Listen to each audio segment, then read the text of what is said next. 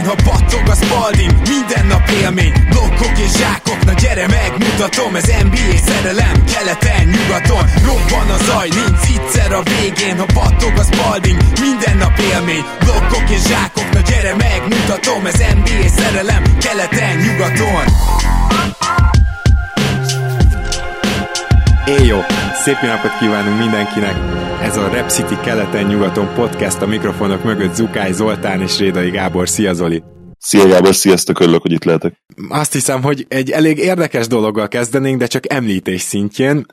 Zoli, most már nyilván te is tudod, hogy mi az a bukazine, vagy bukazin, nem tudom, hogy mennyire lehet ezt magyarul mondani, de azért úgy kérdezném meg, hogy tudtad-e, mielőtt a, mm, az a kiadó, a G. Adam Studio, amelyiknél a Jordan könyv is hamarosan ki lesz adva, szóval mielőtt ők átküldték nekünk az anyagot. Nem, nem tudtam, soha nem hallottam erről a dologról, pedig rohadtul adja magát, és rohadtul ötletes, tehát fura számomra, hogy nem hallottam soha róla, és de tényleg tök logikus. Ugye itt leginkább ahhoz tudnám hasonlítani, mint amikor bizonyos magazinoknak vagy újságoknak vannak ilyen ö, dísz külön kiadásai amik akár 100 oldalasak, 120 oldalasak, és, és összeállítások vannak benne, azok a típusúak, amiket tényleg így kiraksz a, a polcodra, ha van olyan polcod, amire ki lehet rakni a jobb dolgokat, vagy például ezek tipikusan azok, amit, hogyha mondjuk van egy üzleted, és leraksz a várakozóknak olvasni, akkor azok tudja, hogy eltöltenek vele két órát, hogyha véletlenül belelapoznak. Tehát, hogy e, nyilván témától is függ, de mi nálunk hamarosan egy NBA-vel kapcsolatos ilyen bukazint lehet nyerni. Most mást még nem szeretnék mondani, de ez nagyon extra, tehát mi belenézhettünk az Olival, és ez elképesztően extra ez a cucc. November 10 körül, még, még nem biztos, hogy látunk, november 10 körül lehet majd hozzáférni, de mi addig is kisorsolunk majd a Patreonjaink közül ö, kett között kettőt, ezen kívül majd indítunk egy nyereményjátékot a saját Facebook oldalunkon is, és indítunk az NBA Magyarország csoportban is. Úgyhogy erre majd azért lehet készülni, és akkor tényleg semmilyen spoilert nem mondok még most, egy picit részletesebben is beszélünk majd erről. És itt szeretnénk becsatlakozni a Jordan könyvű infóval is, hogy nem emlékszem pontosan, hogy mikor adtunk utoljára hírt erről, de, de mindenkit szeretnénk megnyugtatni, hogy, hogy le van adva az anyag. Gyakorlatilag az utolsó előkészületek folynak ahhoz, hogy el lehessen kezdeni a nyomtatást, és mindenképpen a karácsonyi megjelenés van megcélozva. Nagyon-nagyon szépen köszönjük a türelmeteket. Mi azt gondoljuk, hogy, hogy megérte megéri majd a várakozást ez a könyv, és nagyon-nagyon várjuk, hogy mi is a kezünkbe foghassuk. És a másik dolog, amire szerintem most nagyon sokan várunk, az az, hogy beinduljon az NBA off-season, mert ugye ez a bizonyos holt szezon, ez általában nagyon hamar követi a normál esetben az NBA előző szezonjának végét, és most nem is a hivatalosról beszélek, mert akkor rögtön követi gyakorlatilag, hanem amikor a, általában megvan a bajnok, akkor utána már két-három héten belül lottery, vagy bocsánat, de hogy lottery, már maga a draft húzás, és utána pedig egy héttel ugye kezdődnek az igazolások. Na most nyilván rengeteget kell tárgyalniuk, mert hogy vesztett egy gyenge másfél millió, milliárd dollárt az NBA, és ennek ellenére a csapatok nem szeretnék azt, hogyha visszaesne, visszazuhanna ugye a sapka ezért külön tárgyalásokat kell folytatni, mert az eredeti CBA-be ennyire viszmajor helyzet azért nincsen benne, és most már egyre inkább előrébb akarják hozni a szezonrajtot, de azt tudjuk, hogy ugye november közepére került át a, a draft húzás, tehát addig egészen biztosan nem kezdődhetnek az igazolások sem. Úgyhogy most egy picit több időnk van gyakorlatilag arra, amire nem szokott, mégpedig, hogy a csapatok off-season szükségleteit megvizsgáljuk. Mindig ugye utólag szoktunk a csapatokkal foglalkozni, ami amikor már igazoltak, de most mi meg szeretnénk ragadni az alkalmat.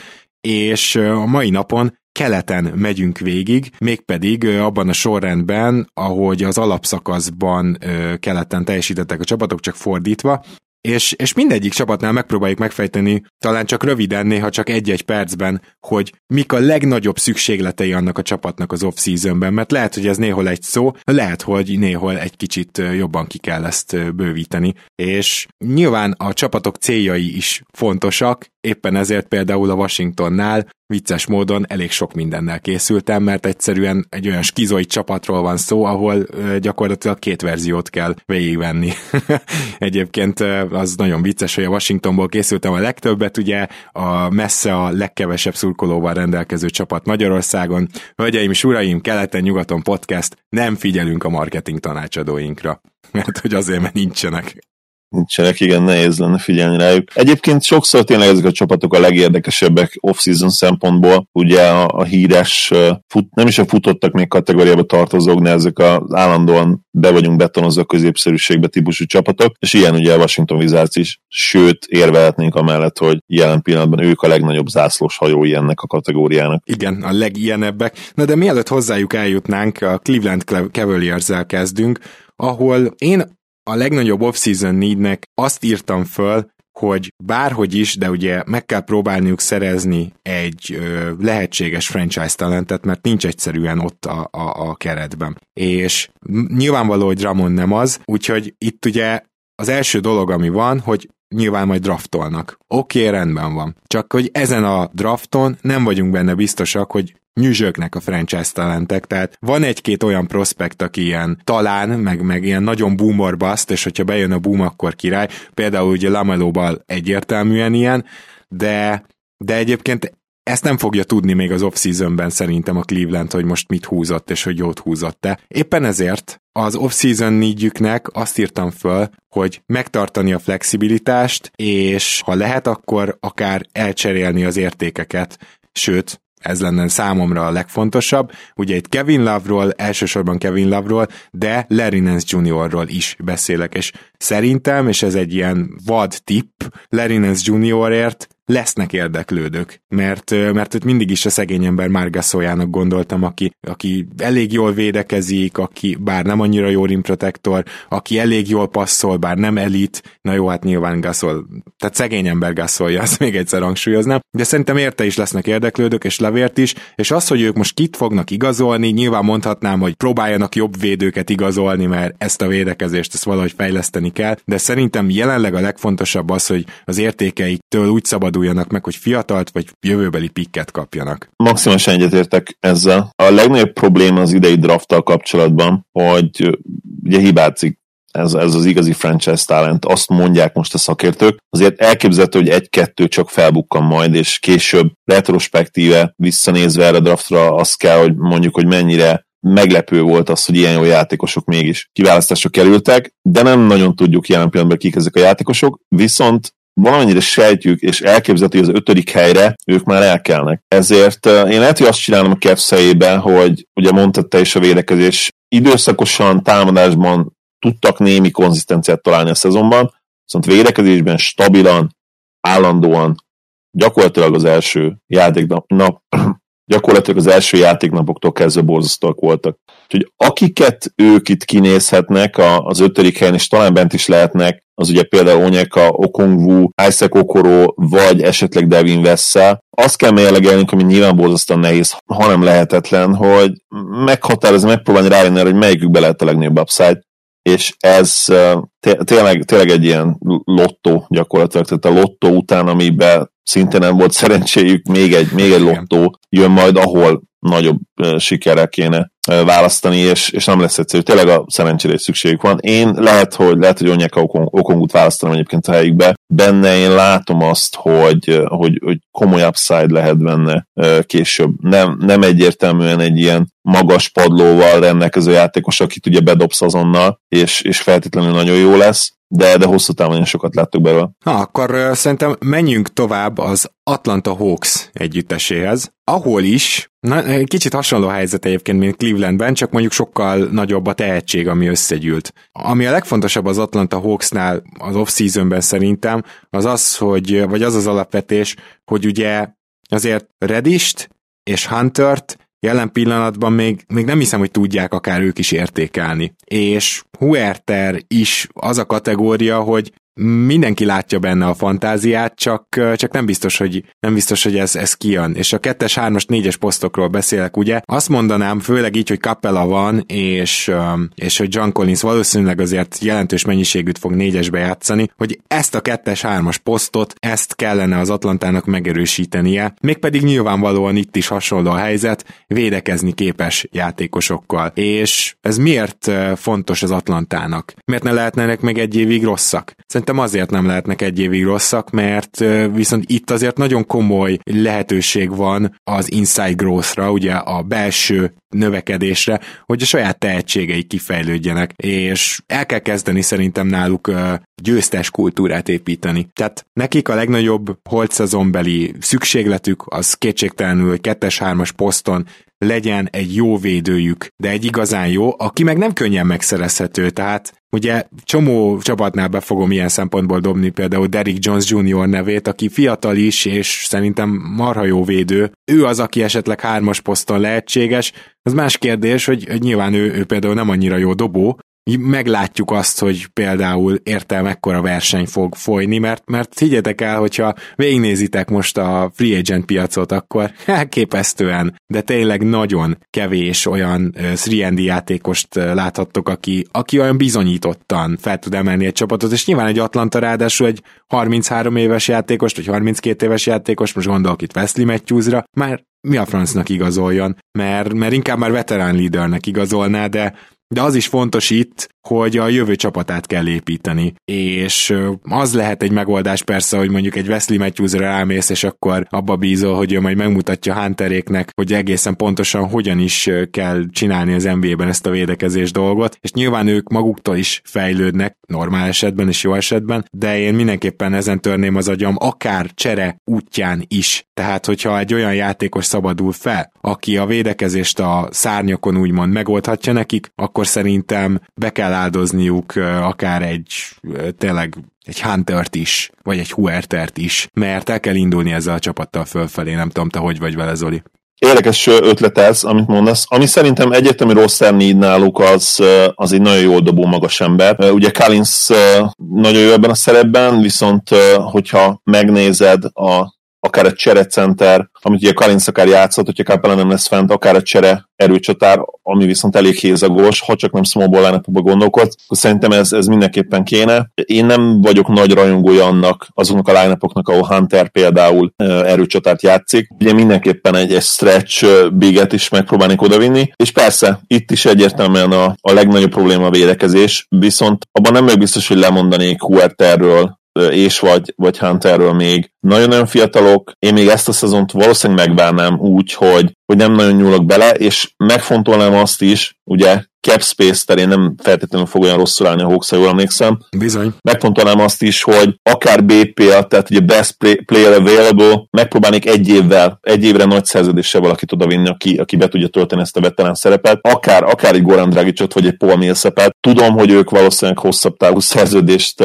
keresnek, de, de nagyon-nagyon jó fit lenne mind a kettő mind a kettő ebbe a rosterbe. Millsap hogyha... ráadásul többé-kevésbé haza is térne, mert azért elég húzam, húzamos időt töltött Atlantában. Szóval, ezt nézzük, hogy nem feltétlenül need, ugye, pozíciósan, mert, mert azt szerintem ebből a szempontból jól áll a Hawks, tehát talent mindenhol van nagyjából, szépen szét van szórva a posztonként a, a rosterben, de nincs meg ez a szerep, ami, ami lehet szerintem szinte bármilyen pozícióban játszó játékos.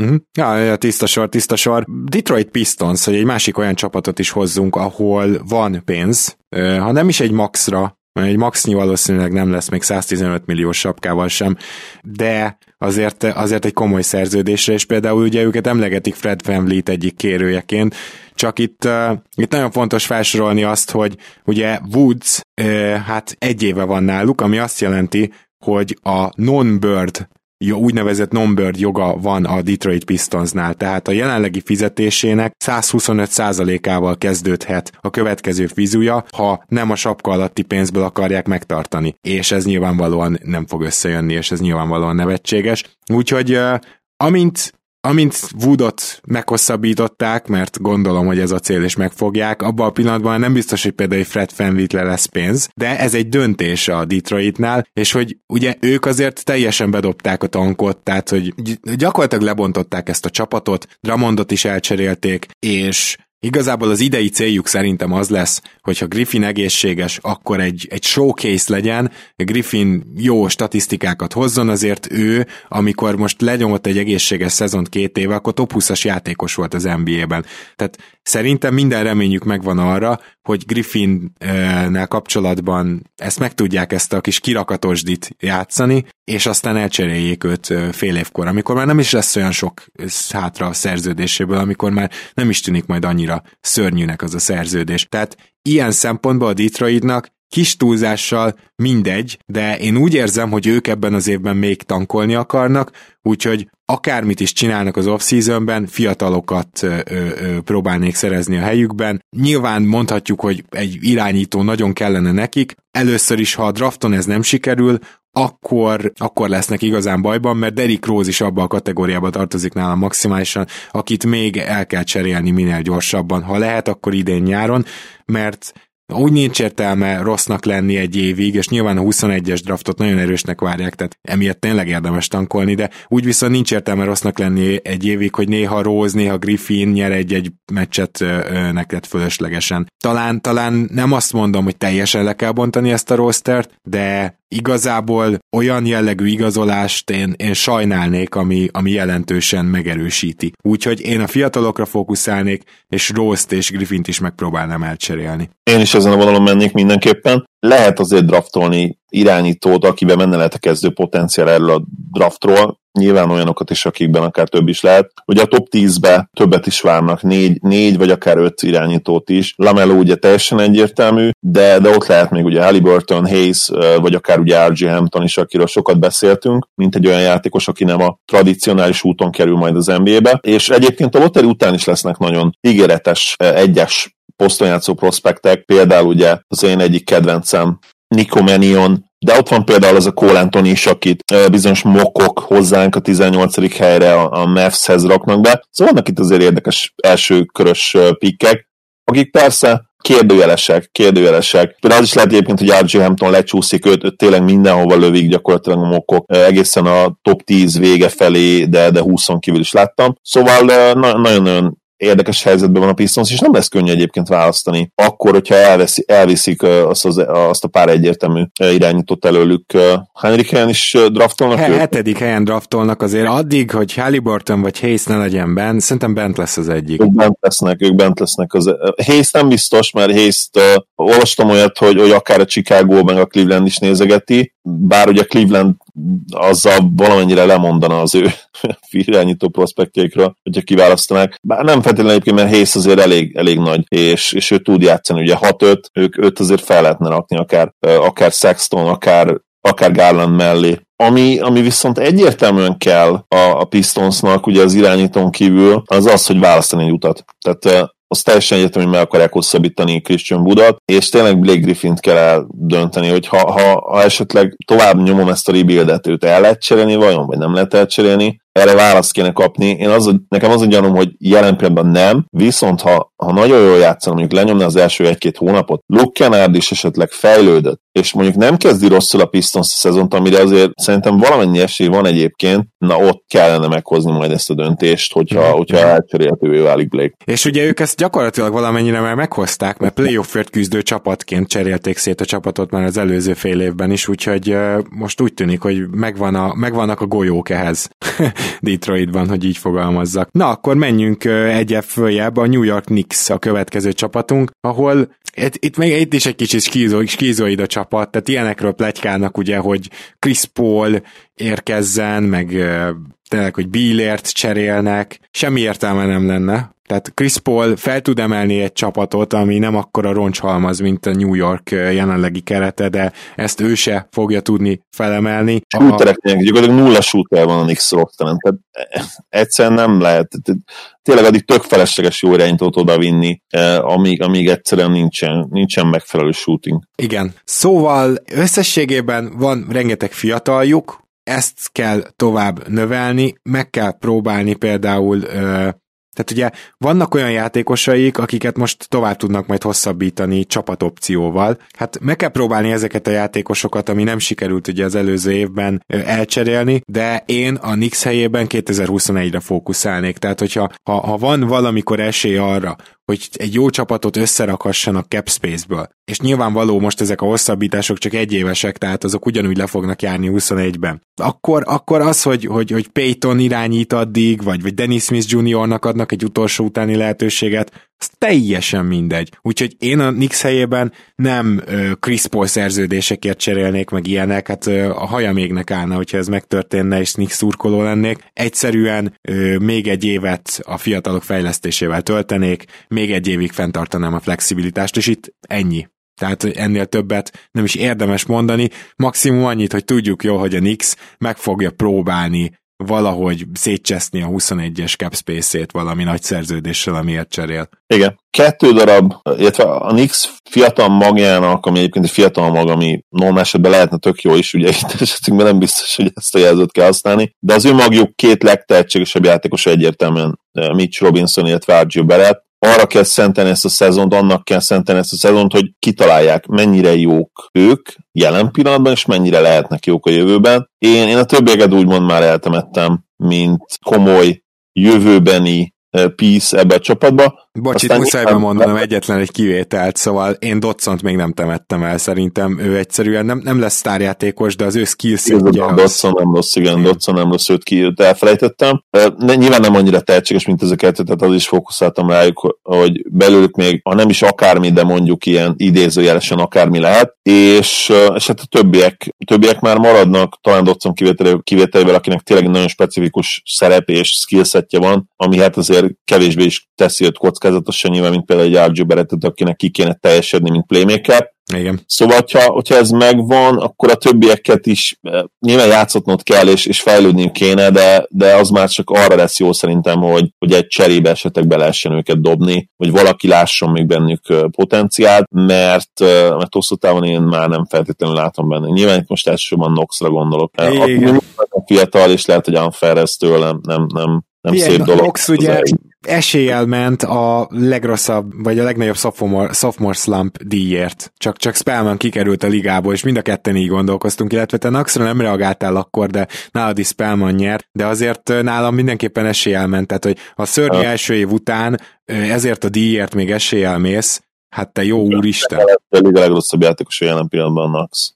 Igen. Ha nyilván, hogyha Igen. bizonyos játékperc felett nézed, ugye itt mindig ezt a kitétet meg kell említeni. 20 perc feletti játékosoknál szerintem tök egyértelműen ő a legrosszabb, vagy ha nem is tök egyértelműen, de ott van a top 5-ben biztosan. És akkor, és akkor arról még nem is beszéltünk, hogy Tibodó ráadásul bekattanhat. Tehát tudom, mondta, hogy Mitchell Robinsonnal alig várja, hogy együtt készüljön, és ilyen szempontból a New York legalább azzal jól járt, hogy ők hamar megoldották az egyző kérdést, és már gondolom ebben az off-seasonben együtt tudnak valamennyire készülni.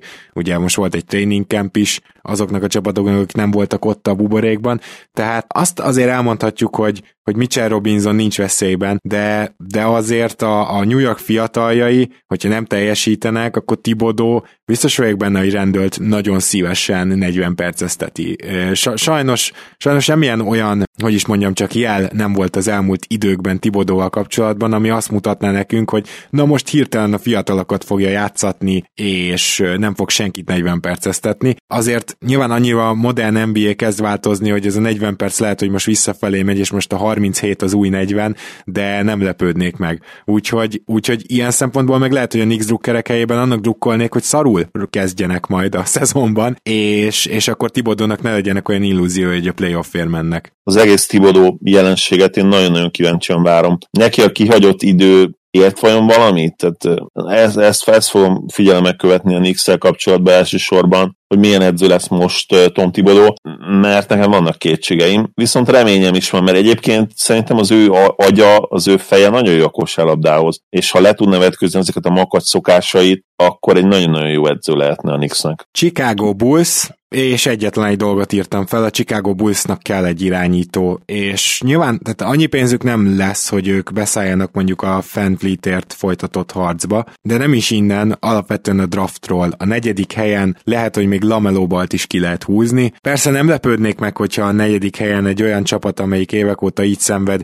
inkább best player available-t próbálna draftolni, de mondjuk érted, egy Anthony Edwards-t ledraftolod, és teljesen redundáns lesz az első pillanatoktól fogva Levine Bitcoinnal. Szóval, szóval ezek ilyen nagyon érdekes dolgok, hogy általában a BPA egy jó taktika, viszont a Bullsnak annyira irányítóra van szüksége, és például az egy nagy kérdés, hogy most Kobe White mennyire irányító. Tehát itt azért hosszú távon lehet, hogy előbb-utóbb Levanyt így is úgy el kell cserélni, mert ezt már ugye tavaly is fejtegettük, hogy mind a kettőnknek Kobe White inkább kettes. És én ezért írtam fel, hogy irányító kell. Most igazából magas emberben van két sérülékeny és a várthoz képest kevésbé fejlődő magasod, meg ugye ott van Otto Porter, meg a szerződése, tehát hogy, hogy most persze ide is lehet szerezni játékost, de úgymond minek? A Chicago jövőre még nem váltja meg valószínűleg a világot, Nyilván az egyzőváltás az kellett, tehát hogy, hogy kiderülhet, hogy ez egy sokkal jobb csapat annál, mint amit gondoltunk, ugye a Boylan effektus, de én, én a helyükben megpróbálnék irányítót, még akkor is érted, hogyha kihúzod a negyedik helyen, mit tudom én, Kilian Hayes, mert nagyon szerelmes vagy bele, és Satoranski meg Kobe White többet játszik nála meg Lövány, tehát mondjuk ez, ez, a, ez a négy ember játszik ezen a két poszton. Semmi baj, tehát lesz időt fejleszteni, de, de egyszerűen kell ide egy megnyugtató megoldás, úgy érzem. Nekem van egy vágyálmom, körülbelül egy ilyen három-négy napja, és ez az első lépés az, hogy, hogy legyen bullshit az a hír, hogy a Warriors ki akarja választani Danny Avdiát a második helyen. Szerintem bullshit, Pont egy nagyon jó cikk látott napvilágot a minap, ami a, a, azt taglalja, hogy mennyire komolyan, nagy energiákkal szellőztetik ilyenkor a, a téves, szándékosan félrevezető híreket a csapatok, és a Warriors ebben mennyire jó. Ez az első lépés, szerintem ez a része meg lesz. Nem hiszem, hogy Daniel Diát fogja le draftolni a Warriors, szerintem az egyértelmű needre rámennek, és Wiseman fogják kiválasztani. Na most a Minnesota, én azt gondolom, hogy vagy Anthony Edwardsot, sőt, én azt gondolom, hogy Anthony Edwardsot fogja egyértelműen elvinni, ugye ők nem fogják Lamelóból. Charlotte elviszi Lamelóból a harmadik helyen, és ott marad akkor ugye az én véleményem szerint a negyedik helyen Daniel Dia. És az vágyálmom az, itt jön be, az miért vágyálom, mert azért vannak benne kicsit nehézkes részek, hogy kiválasztják őt, mint playmakert, és oké, okay, nem irányított választok, mert valóban a igazad van, hogy, hogy Kobe White azért nem, nem egy klasszikus irányító, és ugye Zach Levin, legyünk őszintén, ő sem azon kellene, hogy négy-öt asszisztot ő is be tud dobni a közösbe, hanem ki, kiválasztják Denit, és akkor teljes mértékben mögé állnak ugye a fiatal, a fiatal mozgalomnak, és nyilván nem első számú opcióként, mert azért az nagyon durva lenne, de mondjuk ilyen második, harmadik számú opcióként, legalábbis labdakezelés szintjén nem feltétlenül pontban, berakják a kezdőbe akár, és megnézik, hogy mit tud meccsenként 30 perc alatt. Aha. Nem kezdő lesz, tehát Otto Porter is nyilván kezdeni fog előtte, mondjuk ilyen 25-30 percet játszhat. Tehát én ezt nagyon-nagyon szeretném, és szerintem nagyon jó fit lehetne Deni a Bullsba. Mondom ezt úgy, hogy hiába fiatal csapat, és hiába mondhat, hogy nem fognak komoly dolgokat elérni jövő, jövőre, amiben egyetértek, azért nyilván nem kapna akkor a szerepet még, de be tudná úgymond játszani magát oda. És, és én ezt nagyon-nagyon szeretném, szerintem, hogy nagyon jó fit lenne oda, Kobe White, Lori, de akár Zach Levin mellé is, bár remélhetőleg majd Zach Levint idővel elcserélnék, és, és szerintem Wendell Carter Jr.-nak nagyon-nagyon jó lenne az ő jelenléte, de mondom Lorinak is, úgyhogy uh, én, én ennek drukkolok, és az, az teljesen egyértelmű, hogy playmaking, playmaker, vagy irányító, vagy, vagy egy nagyon magas játékintelligenciával rendelkező passzoló játékos kellene oda, valószínűleg a drafton keresztül is már, és én ezért mondom azt, hogy Danny talán még Kilian Hayesnél is jobb fit lenne, mert szerintem sokkal jobb a passzkészsége, a passzjátéka is az agya hmm. magához a playmakinghez. Engem eléggé meggyőztél, tehát ez, ez, ez marha jó, de akkor egyikünk se abba gondolkozott, hogy itt a free agent piacon próbálnak valamit virítani, és ez, ez nem véletlenül van. Igen. Na de akkor menjünk uh, skízai csapatunkhoz, a Washington Wizardshoz, mert hogy uh, az a helyzet a wizards hogy az, hogyha most megkérdeztek engem, hogy szerintem mi a legnagyobb off-season négyük, akkor egészen könnyedén tudok válaszolni erre, el kell cserélni Bradley Bilt. Ez, ez, a, ez a legnagyobb off-season szükségletük, minél jobb csomagot, tehát a, a valószínűleg véget értek azok az idők, amikor a fele királyságot is el lehetett kérni, tehát a tavalyi George, Paul George csomag, nem tudom, hogy megismétlődhet-e még egyszer valaha, az hihetetlen brutális sok volt. És nem tudom, hogy, nem tudom, hogy az elmúlt események tükrében illetve a mostani bizonytalan helyzetben lenne-e csapat, hajlandó lenne-e hasonló értéket ö, odaadni egy sztárért. De most még meg kell ezt próbálni, mert 21-ben egyszerűen az van, hogy a 21-es nyáron annyi cap space lesz szabadon, hogy szinte majdnem minden csapat vagy megszerezhet egy sztárt, vagy vigasztalódhat valakivel, akivel vagy becsapják magukat, vagy nem, de, de ott szerintem egy kicsit hátrébb sorolják majd az agyukban a csere lehetőségét. Itt viszont ebben az off-seasonben mindenkinél, aki komolyan erősíteni akar, a csere lesz körülbelül az első, ami eszükbe jut. És ezért gondolom azt, hogy Bradley Beal-t most el kell cserélni, ez a legnagyobb szükséglet, és Nyilván látjuk amúgy a csapatnak a, a, szükségleteit. Az a gond, hogy Vol visszatér, az a gond, hogy Washingtonban többre értékelik azt, hogyha a hetedik helyet küzdenének mondjuk Wallal és Billyel együtt, mint hogyha tankolnának, és pedig olyan helyzetben vannak a két szerződés miatt, hogy gyakorlatilag lehetetlen lesz felépíteni egy jó csapat, igazán jó csapatot.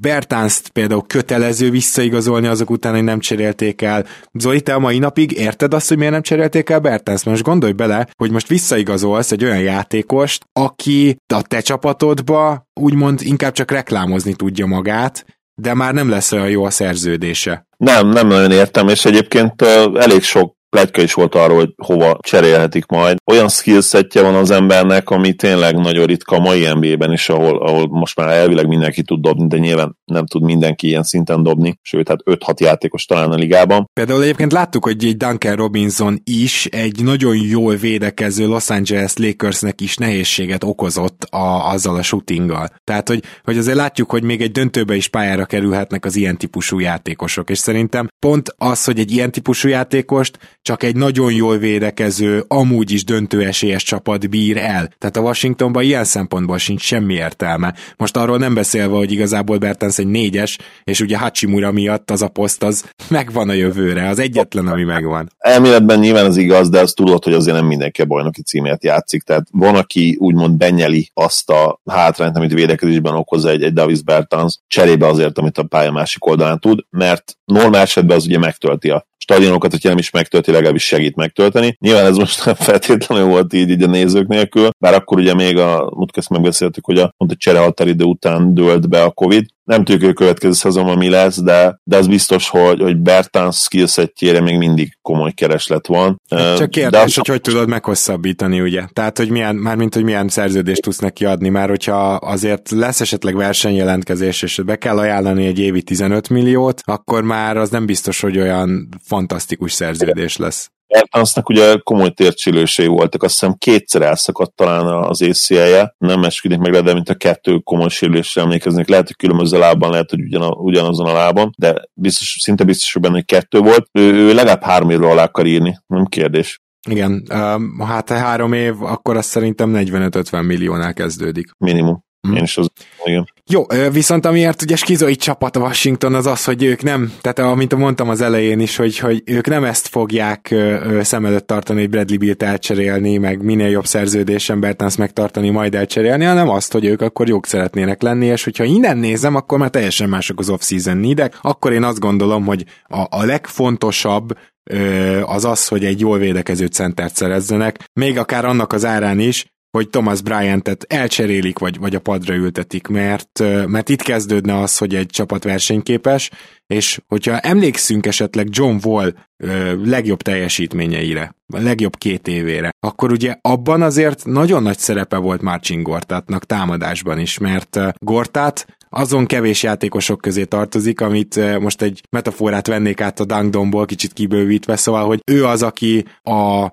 elzárások fekete mágiájának minden piszkos trükkjét ismerte. Valószínűleg a abban az időben a legjobb elzárásadó magas ember volt, és John Wall pedig egy pick and roll irányító. Tehát nem várjuk John Wall-tól, hogy visszatérjen arra a szintre, de hogyha itt Bryant el kell majd pick and rolloznia meg Hachimurával, akkor esélyese lesz erre. És védekezésben ezek a játékosok ráadásul nem jók. Úgyhogy ha meg jó akar lenni a Washington, akkor egy jól védekező magas embert, egy Derek favors kell mondjuk megszereznie, ami, ami valahol szörnyű lenne, hogyha ebbe az irányba mennének, de én úgy érzem, hogy ebbe az irányba akarnak menni. Szerintem is az a legvalószínűbb, hogy megnézik, hogy, hogy a Wall kiegészülő csapat meddig juthat. Ugye most a Brooklyn Nets gárdájával edz együtt John Wall, ne kérdezzétek meg, hogy miért, meg ez hogyan jött össze, de ez történik jelen pillanatban, és, és elég jól néz ki. Nyilván mindig szkeptikusoknak kell lennünk az ilyen edzés videókkal kapcsolatban, mert itt mindig, mindig azt látjuk, hogy mindenki bedob mindent, és, és nyilván teljesen más, mint, mint egy meccs szituáció, de, de itt valóban nem néz ki rosszul egyébként ezeken a felvételeken John Wall. Ha valakinek van esélye, már csak a kora miatt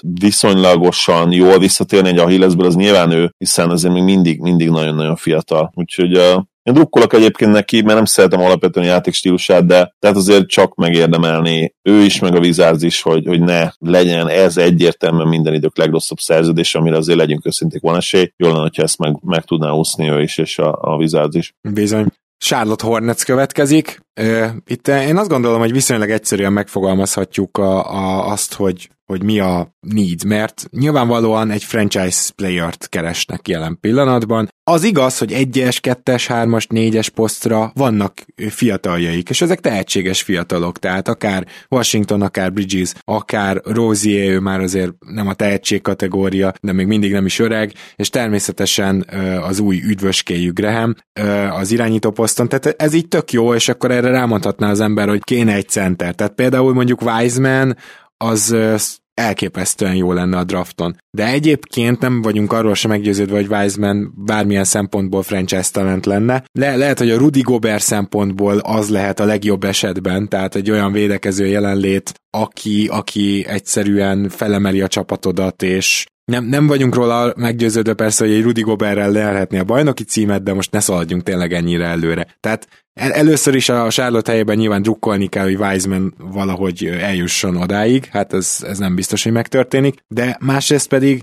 olyan szerződéseket semmi esetre se kötnék a helyükben, ami most bebetonozza őket hosszú távon. Akármilyen jó játékos is jön szembe, mert ugye a Hornetsnek is lehet némi pénze. De igazából fiatalok fejlesztése és a draft, és, és ennyi. Tehát, hogy a Hornets fanoknak azt üzenem, hogy legyenek még egy-két évig türelmesek, kell találni egy olyan játékost, aki köré igazán lehet építeni, viszont az tök jó, hogy a fiatal mag az épül, és lesz is lehetősége játszani, tehát ez szerintem tök fontos. Ha ránézel a akkor mondhatod azt, hogy jó, hát kéne egy center, mert ugye Cody Zeller nem modern NBA center, és bár megbízható valamennyire, de hát azért egyre inkább öregszik, és nem csak úgy öregszik, hogy életkor alapján, hanem, hanem játék alapján is. De, de lehet, hogy tényleg nincs értelme ennek így ennyire, hogy, hogy ennyire kimondod, hogy akkor oké, neki kell egy center, nem valóban inkább például a drafton is BPA, nem kérdés számomra. Így van. Úgy érzed, hogy Lamelo superstar, akkor te erre szépen betolod a zsetonjaidat, és, és bízol benne, hogy, hogy összejön, és tényleg végre, végre MJ le tud draftolni egy, egy igazi sztár. Nyilván szerencsére is szüksége lesz rá ezen a drafton, de, de én drukkolok nekik is, mert a Wizards mellett rájuk mondtam legtöbbször az elmúlt években, hogy ők a középszerűség mintaképei. Jó lenne, hogyha ebből most meg ki tudnának törni. Nyilván nem egyik napról a másikra fog megtörténni, de egy jó draft pick lenne az első és valószínűleg legfontosabb lépés ebbe az irányba. Így van, és ráadásul legalább a Hornetsnél már jeleket látunk erre, ugye az előző szezonnak a fiatal lítása az azért erre volt egy jel, még akkor is, hogyha nagyon para ez az egész Kemba történet, még mindig a mai napig, hogy nem cserélték el, aztán nem adtak neki maxot, szóval, hogy ezek ilyen értetetlen dolgok. Orlando Magic a következő csapatunk, és a, az Orlandónak én most teljesen más utat vázolok fel, mint ami, amit esetleg valószínűsíthetünk, hogy, hogy ők megpróbálnak követni. Nyilván szeretnének továbbra is playoff csapat maradni, még mindig bíznak valószínűleg pár játékosuknak a, a fejlődési lehetőségében. Vucevic visszatért arra a megbízható szintre itt a szezon végére, amit korábban láttunk tőle, az a majdnem All-Star vagy All-Star szintet, azt is megütötte, nyilván a szezon eleje az nem sikerült neki, de, de oké, oké, rendben, tehát értem, hogyha az Orlando jó akar maradni, Szerintem most jött el a kiváló alkalom arra, főleg így, hogy Isaac valószínűleg az egész szezon kihagyja. Tehát mo- most, most ez egy alkalom, Csuma Okekét, aki ugye egy évig kiült, játszasd, most ez egy alkalom, hogy Fulcnak még nagyobb szerepet adj, hogy megnézzük, hogy például ő majd képes lesz-e valamiféle triplát, vagy legalább középtávolit megbízhatóan kifejleszteni. Ez, ez egy kiváló alkalom arra is igazából, hogy Bambát is kipróbáld, mert egy nagyon jó draft jön, és nem kell sok ennek a csapatnak, hogy tankoljon. Úgyhogy szerintem a legnagyobb off-season need így néz ki, senki igazán jót ne hoz, és ha akár hogyha van normális érdeklődés Vucevicre, cseréld el, Furniét engedd el.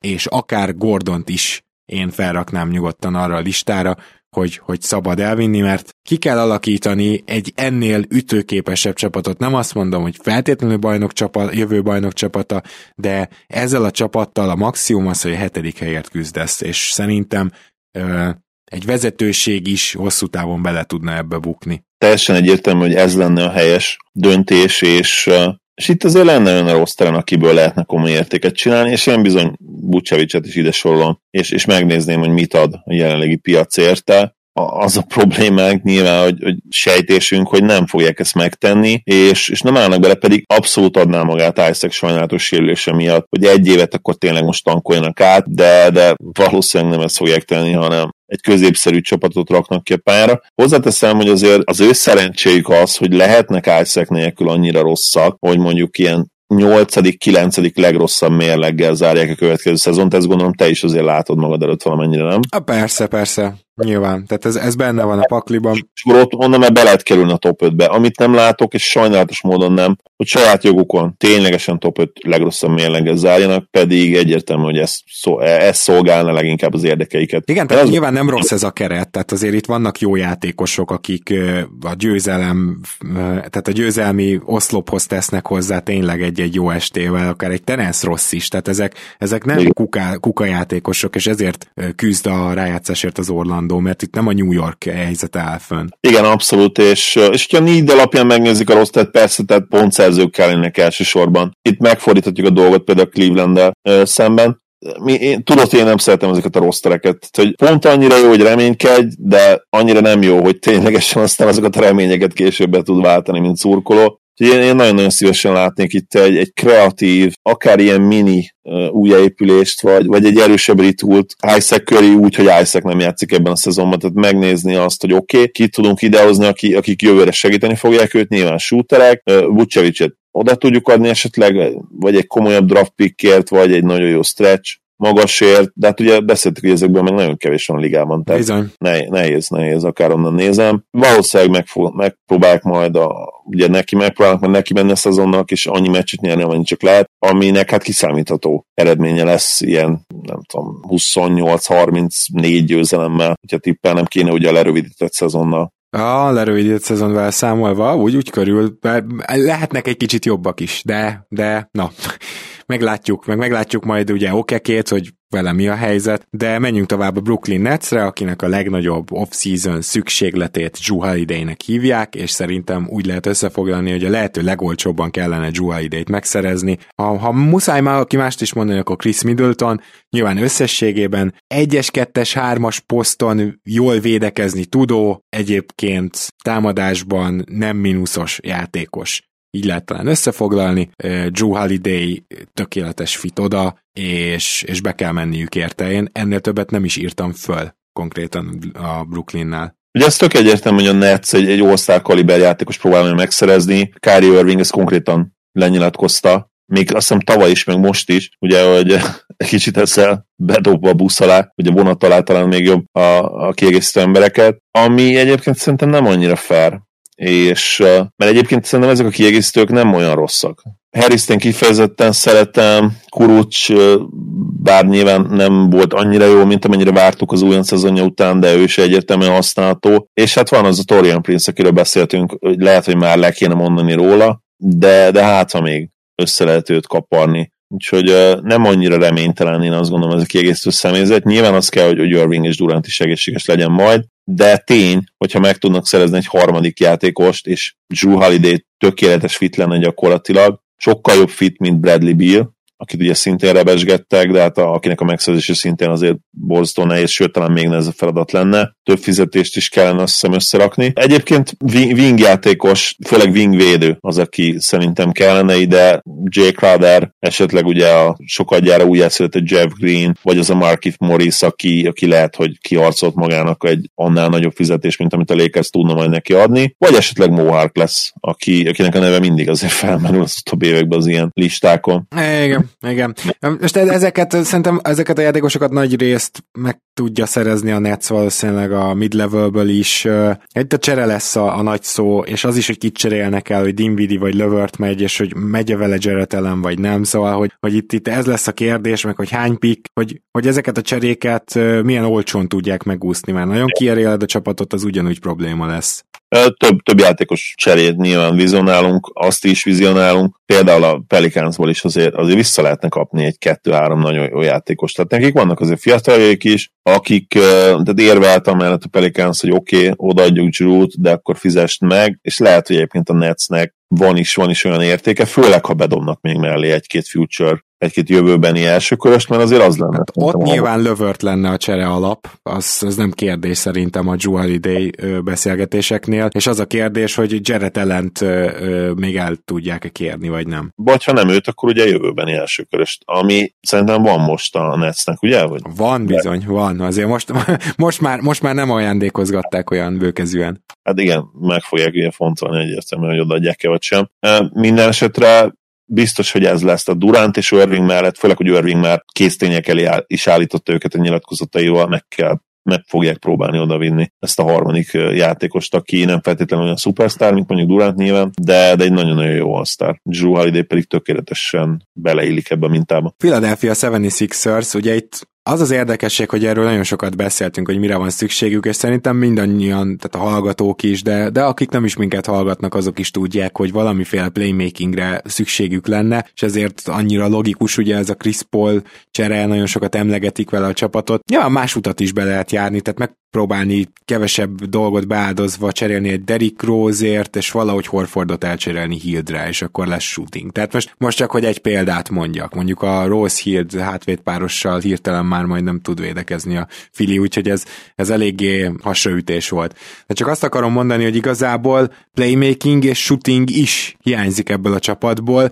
és ez egészen biztos, hogy, hogy ezt csere útján is kell majd orvosolni. És nyilván mondanám, hogy valahogy Tobias Harris de jó lenne elcserélni, szerintem cserélhetetlen az a szerződés, Horfordé cserélhető, be kell mellé áldozni egy jövőbeli pikket, de de ezen az úton kell elindulni. Hogy, hogy érhetik el? Szerintem Bill ide is jó fit lenne, tehát Josh Richardson gond nélkül játszik neked hármast, vagy akár Bill gond nélkül játszik neked egyest, és akkor ugye Simons megy fel négyesbe, tehát hogy ezek mind megoldható dolgok, tehát Bill is jó fit lenne ide, Chris Paul is, valamennyire Buddy Hildet is el tudom képzelni, hogy beillesztik, de, de nyilván ez, ezek borsosáron ö, megszerezhető játékosok lesznek, akihez, hogyha Horford a csere alap, akkor lehet, hogy nem egy, hanem két védetlen pikket kell, Bill esetében akár hármat bedobni. Úgyhogy az a kérdés, hogy mennyire kerül majd vészüzemmódba ez a Philadelphia. Ugye erről te sokat beszélsz, hogy ilyen fiatal csapat hogy lehet ennyire vinná üzemmódban, de, de az, az off-season szükségletük egyértelműen valahogy egy cserével megoldani ezt a playmaking shooting problémát. Azért kell erről beszélnünk, és azért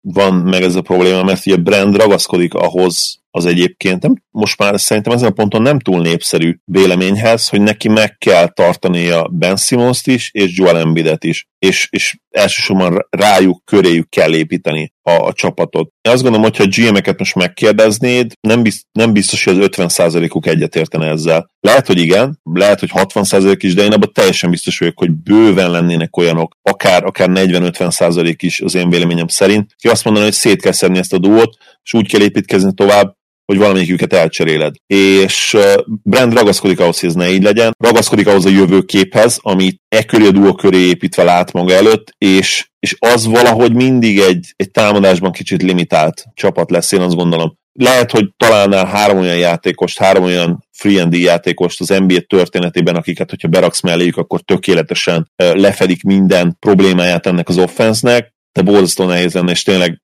lehet, hogy így évtizedekről évtizedekre kellene ugrálnod, és úgy kiválasztani ezeket a játékosokat. Az szinte biztos, hogy lehetetlen jelen pillanatban cserékkel megoldani ezt, mindig lesznek olyan játékosok az ötösben, akik komoly problémákkal küzdenek, vagy a pálya egyik, vagy a pálya másik oldalán, de, de ezt bevállalták, és így a következő lépés az, hogy, hogy tényleg egy olyan játékost feltenni melléjük, aki nagyon-nagyon jó shooter. Tehát itt, itt már tényleg nem is, itt már lehet, hogy, hogy ez is kevés, amit mondtam, hogy nagyon jó. Lehet, hogy elite shooter kéne. És Hild egyébként működik, ő beleillik ebbe a mintába, és valószínűleg könnyebben meg lehetne szerezni, mint Bradley Beal-t, úgyhogy, úgyhogy én nagyon ezt a Hill vonalat látom, és megmondom őszintén, hogy, hogy optimista is lennék, ha ezt össze tudják hozni, mert egy ilyen játékos a kezdőbe, láttuk ugye JJ Reddickkel, amikor még ott volt, és teljesen igaza volt JJ-nek, hogy mekkora barmok, hogy elengedték őt, mert Simons és Embiid mellé egy ilyen játékos kell, aki 40 plusz százalék 8-9 kísérletből.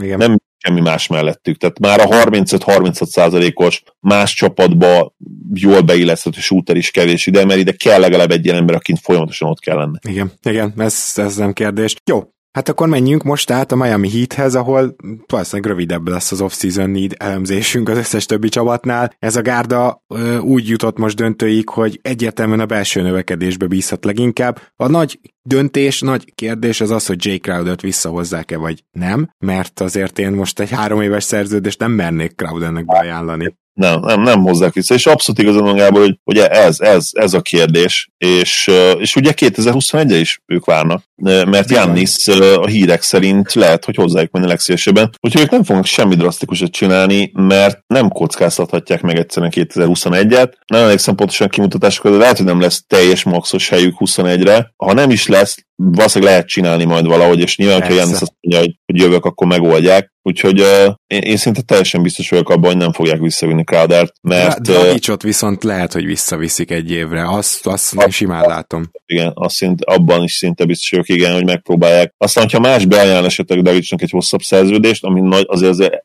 ami azért nagyon-nagyon kockázatos lenne ezen a ponton, legyünk őszinték, akkor lehet, hogy Dragic úgy döntene, hogy, hogy még csinálok marad, de még akkor is lehet, hogy egyébként az egy évest választaná, mert azért elég komoly érzelmek kötik a híthez. Biztos vagyok benne, hogy nagyon-nagyon csalódott, hogy így alakult a, a döntő. Igen, és azért érted mondjuk a luxusadó határig, nem tudom mennyi pénze lesz a Miami-nak, de azt mind beajánlhatja gyakorlatilag Dragicsnak egy évre, tehát egy évre jó sokat ajánlhat, csak ezt akarom mondani, ami azért már meggyőző erejű, erejű tud lenni. a Pacers. Hát itt aztán teljesen átalakulhat a csapat, mindenki az összes ilyen csereplegykát velük kapcsolatban találja mostanában ki, és ennek az egésznek több alapja is van, de az első az, hogy nyilván Miles Turner egy csomó szurkoló fejében megvan, hogy azért ő tud triplát dobni, és jó gyűrű védő, és minden csapatnak kell ilyen center, ugye. Oké, okay, éppen ezért mindenki Miles Turnerért cserélne ilyen óvatosan, de hát az is beindította, hogy Oladipo állítólag nem szeretne az Indiana pacers maradni. Na most, akár igazak a pletykák, akár nem, a csapatnak a, a legnagyobb szükséglete jelen pillanatban egy playmaker. És ez az, ami nincs, és ez az, ami Oladipo volt, de, de, de sajnos most nem tud ezen a szinten lenni. Úgyhogy ha Oladipóban bíznak, akkor nem kell szinte semmit csinálniuk, ez egy nagyon jó csapat. De ezt komolyan mondom. Tehát jól felépített, esetleg a mélységet lehet bővíteni, de amúgy, amúgy ez abszolút egy top 4 érmenő csapat, hogyha Oladipo jó, akkor pláne. De hogyha nem bíznak Oladipóban, akkor, ahogy ezt te korábban is mondtad, olyan játékos kell vissza, aki azonnal segít nekik playmakinggel. Nem tudom, tehát egy Demar DeRozan is akár. De, de bárki olyan, aki azonnal tud playmakerködni, mert Brogdon erre kevés, és TJ Warren pedig ugye beszéltük, hogy egy Kawai típusú játékos, az megint nem egy playmaker. Tehát, hogy tehát, hogy akkor már olyan kettes-hármas pozícióban használható játékos kell, aki tud pick and roll hívni, aki tud passzolni, aki tud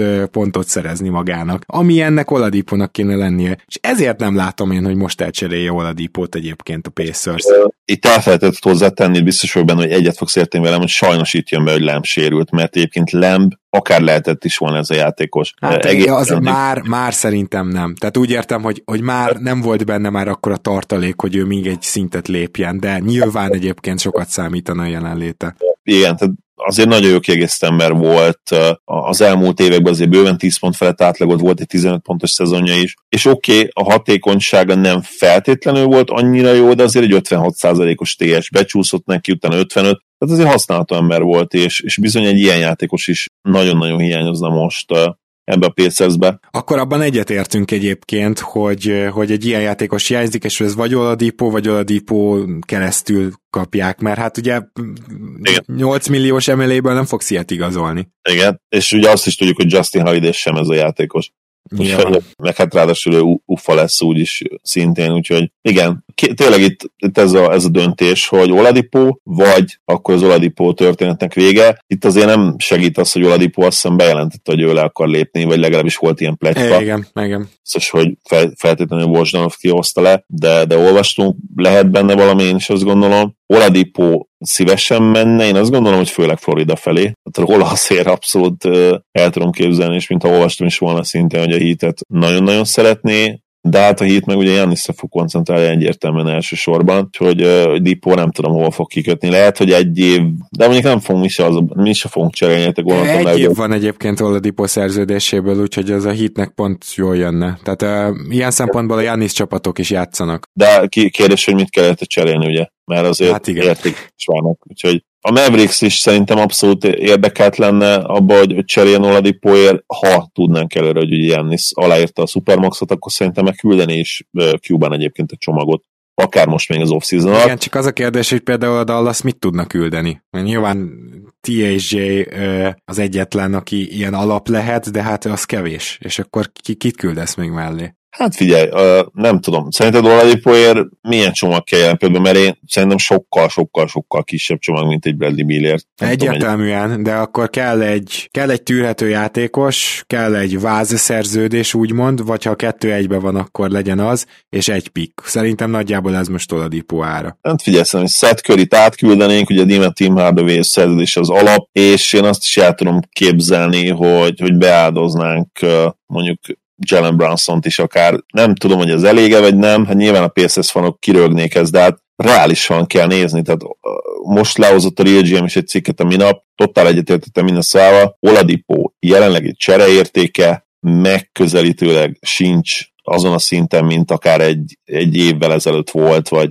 azt meg felejtsük is el, hogy két évvel ezelőtt, tehát én abban sem biztos, hogy egy komoly lottery picket bárki adna érte jelen pillanatban, szerintem biztos, hogy nem. Mm. Még, még az idei draftról sem. Aztán lehet, hogy majd valaki jön és megcáfol, de én nem hiszem, hogy komoly érteket adnék a Dipoért jelenleg. Boston Celtics, ahol a legnagyobb off-season need, azt gondolom, hogy a center postnak a legalább kibővítése. Annak ellenére mondom azt, hogy Tice nagyon meggyőző volt idén. Nagyon rendben volt, és ez a Boston igazából lehetett volna idén is bajnok, egy kicsit több szerencsével. Tehát, tehát jó ez a csapat, rendben van, de ha valahogy tudnak szerezni egy, egy, egy ennél stabilabban dobó magas embert, aki, aki hasonlóan mozgékony védekezésben, mint Tice. Nyilván ez nehéz, tehát ez, ez nem egy könnyű dolog. Ugye az egyik, amit bedobtak sokan, az az, hogy Gordon Hayward-dot Indiánába cserélnék, és én ezt nem látom most magam előtt hirtelen, de tulajdonképpen le, megpróbálkozhat az Indiana azzal, hogy na majd te Oladipo, nem akkor majd Hayward. Oké, okay. A Boston meg megpróbálkozhat azzal, hogy akkor Oladipot illesz be. De, de akkor nyilván ez úgy érné meg a Bostonnak, hogyha valahogy jönne Miles Turner is, és az meg már sok, tehát Haywardnak azért nincsen pozitív értéke, tehát ezt tegyük tisztába, hogy, hogy sajnos, mivel ennyire sérülékeny, mivel ilyen rövid ideig tudott csak visszatérni a csúcs teljesítményének a közelébe, mint ebben az évben az első hónap körülbelül. Ezért ő neki nincsen pozitív értéke. Tehát nem az van, hogy érte kapsz egy Turner Oladipo csomagot, a lófaszt. Ez teljesen esélytelen. Az lehet, hogy két-három jó pikkel már, már ez esélyes, csak az indiánál meg nem látom, hogy miért kellene pikkek visszafelé. Az indián is jó akar lenni. Tehát szerintem ez a Celtics drukkereknek inkább az álmodozása, de én megértem ezt az álmodozást, mert ilyen típusú játékos kellene nekik, mint Turner. Úgyhogy ezt kell valahogy megoldani, én nem látom azt, hogy ez könnyű lenne, vagy könnyen megoldható történet lenne, de akár itt small is lehet szó, tehát nem muszáj ilyen klasszikus center. Tehát, hogyha egy Millsapet valahogy például megszerezne a Boston, és ő lenne a centerük, az oda tökéletes lenne szerintem. Úgyhogy, úgyhogy itt nyilván egy kicsit out of the box is lehet gondolkozni. A Boston off-season szükséglete tehát egy jól dobó, jól védekező magas ember. Igen, és egyébként uh, én lehet, hogy el is gondolkodnék például a Mavs hogyha Kleber ér valami csomagot összerakna a, Celtics. Kleber szerintem tökéletes lenne ebbe a kezdőbe. Nem feltétlenül jobb játékos egyébként, mint Tice, de jobb shooter, mint Tice, és a két német együtt szerintem egészen jó duót alkotna. Millsap ezen a ponton szerintem nagyobb kockázat azért. Kleber egy nagyon jó munkabírású játékos. Mondjuk én is nagyon sajnálom, és ugye nem tudom, hogy Hayward mennyire működne nálunk. Szóval, szóval ilyesmik jutnak eszembe, nyilván be kéne dobni nekünk még THJ-t, nyilván be kéne dobni nekünk még Hardaway Jr.-t, érdekes dolog. Én azt nagyon-nagyon pipe dreamnek látom, teljesen esélytelennek, hogy, hogy Oladipot és Turnert visszahozzák egy Hayward köré épülő csomagért, úgyhogy nincsen gyakorlatilag fiatal tehetségük, akit be tudnak dobni, mert hát legyünk őszinték, azért Romeo Langford nem ez a játékos, aki, aki most még komoly csereértékkel bírna. Hát igen. És Edwards, én azt mondom, hogy becsődölt, lehet, hogy Spalcsani barátunk nem értene egyet ezzel, sőt, kikérni magának, de egyelőre ezt kell mondani. Grant williams uh, meg nem biztos, hogy el akarnám cserélni. Mert ő viszont annyira nem csődölt be, amit ő a védekezésben már most tud, azt, azt nem biztos, hogy beajánlanám. Uh, ki, kit mondtál? Grant Williams-t. Grant Williams. Uh, igen, viszont én meg lehet, hogy akkor a másik Williams célozna, meg ugye Time Lordot, aha, uh, aki aha. nem tudom, hogy őt beáldozná például Kleberér, Kleberér a, a Celtics, de, de ez nagyon érdekes cserepartner lehetne egyébként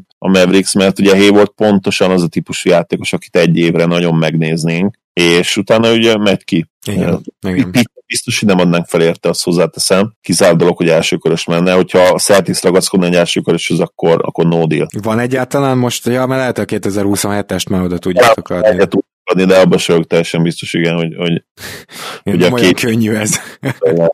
Jó, menjünk akkor a Toronto Raptorshoz. A Raptorsnak a úgymond legnagyobb off-season szükséglete, ugye itt is egy belső növekedésben bízó csapatról beszélünk, ami, ami nyugodtan érvelhetnek úgy, hogy a jó Siakam, akit a szezon első felében láttunk, na az hiányzott, hogy bajnok lehessen esetleg a Raptors. Ez egy teljesen legit érvelés, amit elég sok szakíró is végigvezetett a Raptors kiesése után, és ezért mivel a belső növekedésbe bízik a Raptors, én úgy gondolom, hogy meg kell tartani Fanfleetet, lehetőleg olcsón, mármint ahhoz képest, és, és ez menni is fog, erről beszéltünk korábban, hogy most, hogyha beajánlasz négy évre 80 milliót Fanfleetnek, akkor inkább elmegy New Yorkba, mert ők 5 millióval többet ajánlanak. De szerintem lenne az 5 millió, mert az az, hogy nem biztos, hogy 5, hanem lehet, hogy az 25 lenne az 5 millió. Hát összesen 25. Én, én azt gondolom, hogy a Raptors akár 5 éves szerződése, de sok módon tudja ezt kompenzálni. Igazából egybe kell tartani ezt a, ezt a gárdát. 25 millió dolláros különbségnél nem kérdés, hogy Van Fleet menne New Yorkba, de lehet, hogy te többet tudsz a személyiségéről, de ez egy borzasztó, borzasztó nagy különbség összegbe. Igen, az az már egy nagy különbség. Jó, ezt, ezt, ezt mindenképpen meglátjuk egyébként, mert ugye a New York helyében én eszembe nem jutna Fanfleetet leigazolni. Mindenesetre én ezt találtam az, a, a Torontónál, és még egy dolog, de ez már csak a saját személyes érzésem, hogy szerintem a Torontónak lassan a magas ember fronton meg kell újulnia. Tehát nyilván a Torontó a, benne van abban a három csapatban, aki Jannisra készül. Ez ugye a Miami, a Toronto és a Dallas, ezt a három csapatot emlegetik folyamatosan. Ráadásul a Toronto volt az, akit a Bubble előtt és a Bubble közben is emlegettek. Tehát mondhatnánk, hogy a leggyakrabban emlegetett csapat a Jannis. Igen, személyes ismeretség ugye van elég komolyan Massa és Jannis között, meg a, meg a Antetokounmpo család között. Bizony, bizony. Szóval, szóval persze, persze a Raptorsnak erre kell készülnie, de azért most az, hogy Margasolt is és Szerzsi Bakát is visszahozni, az abban nem vagyok biztos, hogy ez, ez jó ötlet. Tehát, hogy nem, nem biztos, hogy könnyen lehetne őket pótolni ugyan, vagy mással próbálkozni, de szerintem érdemes lenne, mert ha ennyire 21-re készül a Raptors, lehet, hogy egy második kör, vagy egy konferencia döntő összejönne ugyanezzel a csapattal, de, de akkor már miért ne nézhetne meg mondjuk egy Harry Giles-t, vagy, vagy egy fiatalt a Raptors, aki, akiből Nick Nurse, a fantasztikus development csapat, vagy fejlesztő csapat, esetleg valami olyat hoznak ki, amit Sacramento-ban nem hoztak ki belőle, és valljuk be, hogy ez nem hangzik annyira futurisztikusan. a maximális egyetértek vele, tehát a, a nehéz vizionálnom azt, hogy, hogy jövőre a, a Gassoli a duóval akár ugyanennyire sikeresek legyetek, mint idén. Visszatérve egyébként Fredire, abban is teljesen egyetértek, hogy a Knicksnek nem kéne őt, nem, hogy, nem hogy kimaxolni, de mondjuk 4, 4 per százat se beajánlani, és ha lesz olyan csapat, amely ki, kimaxolja Fredit, mondom ezt úgy, hogy imádom ezt a játékost, tehát zseniális ölnék érte, hogy a Merszbe jöjjön, de ha lesz csapat, amely kimaxolja, az meg is érdemli. Teljesen egyetértek. És a Milwaukee Bucks maradt, amelynek nyilvánvalóan most már, legalábbis én emellett a vélemény mellett kardoskodtam már a bukásuk, idei bukásukkor is. Nyilvánvaló most már, hogy kell egy playmaker, és ehhez nem ártana Bledsoe-t konkrétan elcserélni, tehát nem ártana úgy szerezni egy playmakert, hogy az nem Bledsoe és Middleton mellé, hanem Bledsoe helyett. És még azt is feladnám, hogy Bledsoe-nak a kiváló védekezését azért nem, nem kell feltétlenül meccselni, tehát hogy nem kell itt ilyen all defensive ö, ö,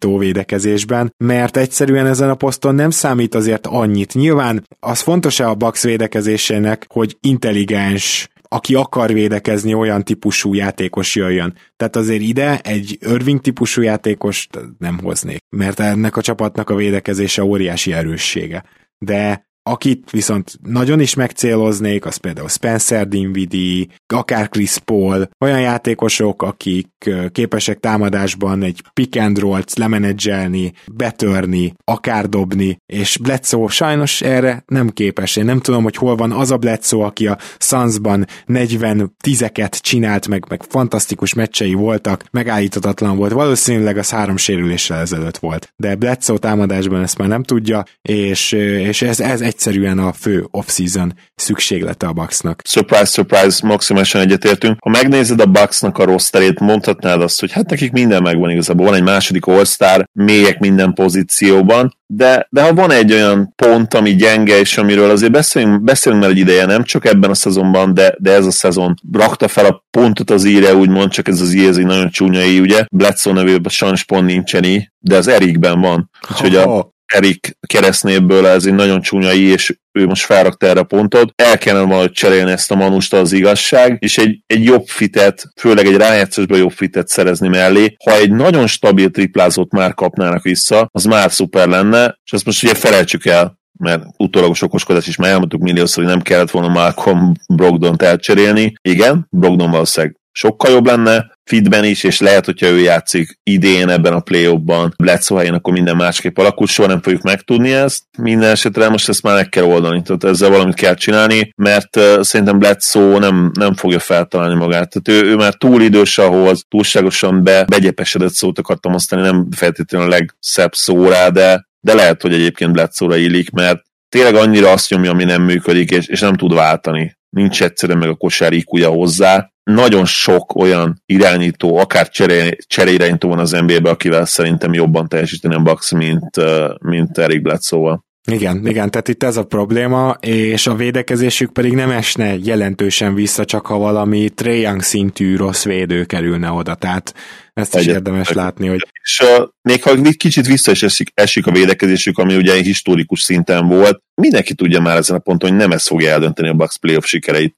Abszolút. Tehát, hogy ott... Másik, a pálya másik oldalán kell sokkal több, a, arról a posztról is, nyilván Jannisztól is, nem akarom felmenteni Jannis, de, de egyszerűen több kell Bledsoe-tól, és olyan dolgok kellene tőle, amire ő nem képes, amit ő nem tud megcsinálni, ezért marad a csere. És ezzel végére is értünk a keleti off-season szükségleteknek. Hamarosan jövünk természetesen a nyugattal, és azért majd készüljetek erre a bukazin dologra is, mert az is majd jön, illetve az előző adás végén is mondtam, és most is adás elején akartam, és elfelejtettem, de azért bemondom, hogy hamarosan ö, szeretnénk majd egy postaládát nyitni, egy Patreon postaládát, úgyhogy kedves patronjaink, ö, tegyétek fel a kérdéseket, és várjuk őket szeretettel, egy-kettő már érkezett, azt köszönjük, de, de azért legyen, legyen egy jó adás belőle. Zoli, nagyon szépen köszönöm, hogy itt voltál, és hát akkor ezen a héten nyilván jövünk majd nyugattal. Örülök, hogy itt lettem, alig várom nyugatot is. Sziasztok, szia Gábor! Kedves hallgatók, köszönjük szépen, hogy velünk tartotok, és már olyat is kaptunk, egy olyan észrevételt, hogy az elmúlt hetekben kicsit kevésszer voltunk. Most kiszámoltam, hogy azt hiszem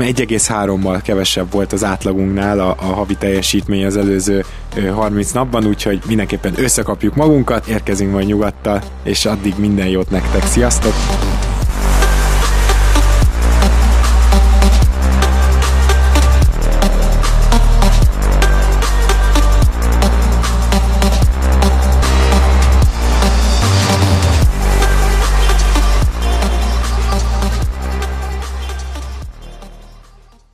Ha más podcastekre is kíváncsi vagy, hallgassd meg a Béton műsor ajánlóját. El tudod képzelni, hogy a podcastet, amit éppen most hallgattál, fél év múlva már a mesterséges intelligencia generálja? Mi sem. De ha érdekel, eljött már a gépek lázadása. Hallgass bele az Embertelen podcastbe. Orsós Lajos vagyok, a műsor házigazdája. Egyelőre még élőben. Egyelőre. Fedezzük fel együtt, hogyan ismerkedik, randizik, mesél és vitatkozik Betty és Péter, két teljesen mesterséges intelligencia. Lajos, a podcast címét mond még egyszer, Léci. Oké. Okay. Embertelen podcast. Ez a műsor a Béton közösség tagja.